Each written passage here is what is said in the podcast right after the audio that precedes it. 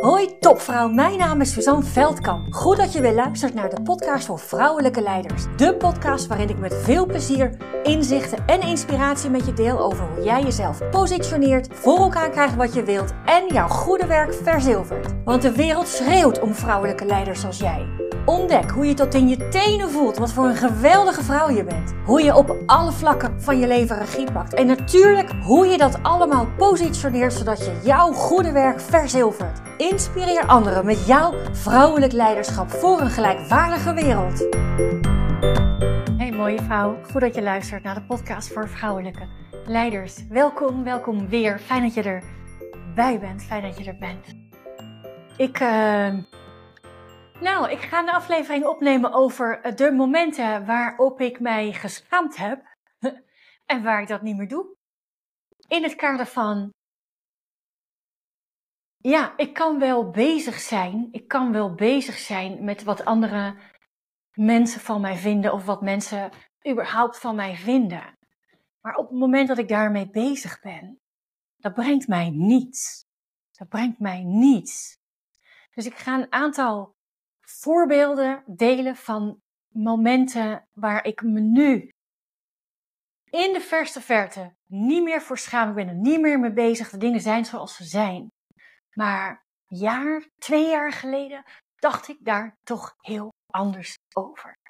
Dus ja, laat je meenemen, laat je meenemen in een kijkje in mijn systeem, hoe ik uh, mijn reis gedaan heb, uh, aan het doen ben en uh, nou, waarvan ik eigenlijk nog zeker, waarvan ik zeker weet dat, dat ik nog, uh, nog veel meer, nog veel meer dingen op deze manier ga terugkijken.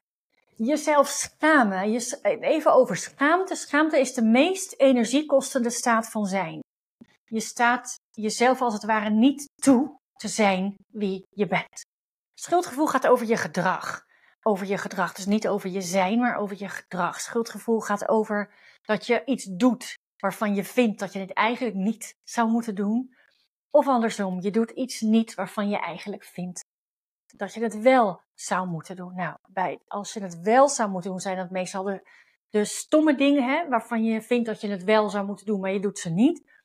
En als je iets um, doet terwijl je het eigenlijk bewust onbewust vindt dat je het niet zou moeten doen, gaat vaak over de leuke dingen. Hè? Dus dat zijn die momenten dat schuldgevoel zo aan je knaagt. Nou, schaamte is dus nog, die staan helemaal onder aan de ladder van energiekostende staten van zijn.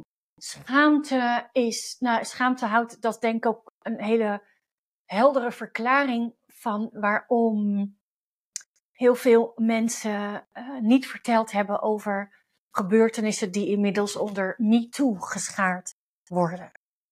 Schaamte is zo sterk dat het mensen gewoon jarenlang, misschien wel het hele, het hele leven, zwijgen oplegt. Zo sterk is schaamte. Nou, zo sterk zijn de voorbeelden die ik ga benoemen niet. En toch, en toch schaamde ik me voor mezelf, om precies te zijn. En een voorbeeld waarvoor ik me schaamde en nu uh, absoluut niet meer, is dat als ik in een mini-training zat en het maakte eigenlijk niet zoveel uit of ik tien, ja, voor mij uiteindelijk wel, maar voor mijn gevoel van schaamte niet. Op het moment dat ik 10 of 20 of 30 of 50 of 60 inschrijvingen had voor die mini-training, en er kwamen, weet ik veel, 2, 3, 4, 5, ik heb soms zelfs met twee mensen gezeten, dan heb ik een hele tijd gehad dat ik mezelf schaamde voor het feit dat er zo weinig deelnemers waren. En alsof ik dan ineens um, niet goed genoeg ben of een slechte onderneemster ben. Ik merkte ook dat ik dat ergens probeerde te verdoezelen of, of heel. Of dan echt de schuld letterlijk in de schoenen schoof van al die vrouwen die er niet waren, die zich wel ingeschreven hadden, die er niet waren. En ja, daar zit iemand die dan wel in de mini-training zit, natuurlijk helemaal niet op te wachten. Dat is één. En voor mezelf is het, weet je, dit gaat niet over als ik 40 inschrijvingen heb en er zijn vijf mensen. Dit gaat niet over mij. En natuurlijk heb ik ook gedaan. Kan ik dingen ondernemen om het, de opkomstpercentage zo hoog mogelijk te laten zijn? Hè, met reminder mails en, en betrokkenheid uh, vooraf. En dat doe ik allemaal en het werkt ook. Hè, dus ik kom ook minder in die situaties. Maar het feit dat ik dat nog niet deed of nog niet genoeg wist hoe ik dat aan zou moeten pakken, dat zag ik als, oké, dan ben ik niet goed genoeg en dan vinden anderen mij stom en dan vinden anderen mij dom en, dan moet die bindingtraining nog beginnen. Terwijl je eigenlijk vanuit energie, kennis en expertise wilt delen.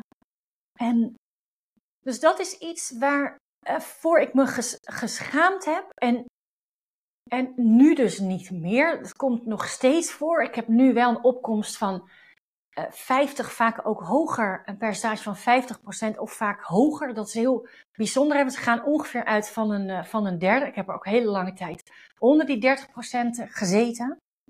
Nu zit ik vaak ruim boven de 50%. En dus dat is iets waar ik me voor geschaamd heb. En nu, um, nee, dat heb ik nu niet meer. Dat heb ik nu niet meer. Ik krijg wel eens de opmerking, ik had verwacht dat hier honderden uh, mensen, vrouwen zouden zitten. En dus dat het dus ook minder persoonlijk was, hè, want ik kan nu gewoon gesprekken aangaan. Ik kan ook met twintig mensen, uh, met deelnemers. En als je met 100 of, of 100 plus bent, dan wordt dat ingewikkelder. Niet dat ik dat niet zou willen, maar uh, dan heb ik weer een andere manier van mini-training geven uit te vinden. Uh, dus dat is er eentje waar ik ook, waar ik me ook echt geen drol meer van aantrek, is als ik post op uh, LinkedIn of Instagram of nou ja, TikTok ben ik nu, of ook met mijn podcast. Weet je, het interesseert me werkelijk waar geen ene drol als een podcast niet of nauwelijks beluisterd wordt. Of als, een, als er op een LinkedIn bericht geen like. En, en zeker, zeker met die korte video's denk ik, oh wat spannend hè, dat, dat ik dan zo mezelf zichtbaar maak, ook op een platform als LinkedIn. En dat ik dan één of twee likes krijg, denk, dan, dan schiet er wel iets door me heen. Dan, potverdorie, nou huur ik iemand in die. En tegelijkertijd weet ik me gelijk eigenlijk weer terug te brengen van, joh, Suus, je bent aan het proberen, je bent aan het ontdekken, je bent aan het, je bent jezelf zichtbaar aan het maken. En dat is waar het over gaat. En ook met de podcast, dat nu heb ik wekelijks nieuwe volgers, maar ik kon in het begin echt weken hebben van geen één nieuwe volger erbij. En, en ik wist van tevoren, hè, om daar niet naar te kijken, hè, om niet naar die statistieken te kijken, omdat die je in je energie naar beneden kunt halen, terwijl je eigenlijk gewoon alleen verstand op nul en door zou moeten gaan. Uh, tenminste, als je iets voor ogen hebt, en nou dat heb ik. Ik wil iets uh, voor elkaar krijgen, wil iets bereiken. Dus ik ga gewoon door met of zonder volgers. En nu merk ik dat ik kon, uh, dus kon weken, misschien wel een maand doen om één of twee volgers erbij te krijgen. En nu gebeurt dat in een week. En iets in mij zegt dat dat straks in een dag gaat gebeuren. En dat ik straks niet één of twee op een dag heb, dat ik er gewoon wel een dag heb met tien. Ik had ook nooit verwacht dat ik een dag kon hebben waarin 90 vrouwen langer dan een minuut, of vrouwen of mannen misschien ook wel, 90 mensen, laat ik het zo zeggen, 90 mensen op één dag langer dan een minuut naar een podcast geluisterd hebben. Had ik ook nooit verwacht en toch gebeurt het. En ik weet zeker dat ik op een gegeven moment niet de 3.500 streams heb, die ik, of downloads die ik nu heb, maar dat het er straks 300.000 zijn. En dan straks misschien wel een miljoen. Ik weet dat het gaat gebeuren. Ik verwacht ook dat het gaat gebeuren. En ik heb alle vertrouwen in dat het gaat gebeuren. En nu nog niet. En nu nog niet. En daar, daar schaam ik me niet voor. Daar schaam ik me niet voor. Ik schaam me er niet voor. Het interesseert me geen ruk als dat jij een bericht van mij ziet met één like en dat je denkt, oh, ze heeft maar één like. En als je dat al denkt, als je dat al denkt. Ik heb wel eens iemand gehad die is uiteindelijk wel in het programma gestapt zei, ja, je hebt helemaal niet veel volgers online. Ik zei, nee, dat klopt. en uh, voor mij doet dat ook, zegt dat niets over of ik uh, wel of niet mijn werk goed doe. Uh, voor de ander misschien wel. Ook met die, met die opmerking schaamde ik me er ook niet voor. Weet je, dit is waar ik sta. Ik wil ergens naartoe. Ik ga notabene in het Engels uh, podcast. Op YouTube merk ik al. Mijn man zei het al, had een voorspellende blik of gewoon ervaring. Daar gaan de uh, de views veel sneller dan op, uh, op uh, Spotify. En nou ja, dat wist ik niet. Maar goed, we gaan, het, we gaan het ontdekken. Maar ik weet dat dit, is, dit zijn dingen, en zeker ook het aantal aanwezigen. En ook in het begin dat een, een post gewoon geen reactie of geen likes of zo kon hebben. Ik weet, ik weet dat dat, als ik gewoon doorga, dan weet ik niet dat ik op een gegeven moment eh, bij een post 100 likes, maar dat hoef ik ook helemaal niet. Maar ik vind het wel belangrijk. Ik vind het wel belangrijk om meer dan ik nu ben, in contact ben met vrouwen die meer dan ze nu doen een positie in willen nemen. En daarvoor mag ik uh, groeien in mijn aanwezigheid op een platform als LinkedIn of, of Spotify of YouTube of waar dan ook. En um, ja, daar ben ik mee aan de slag. En ik heb ballen.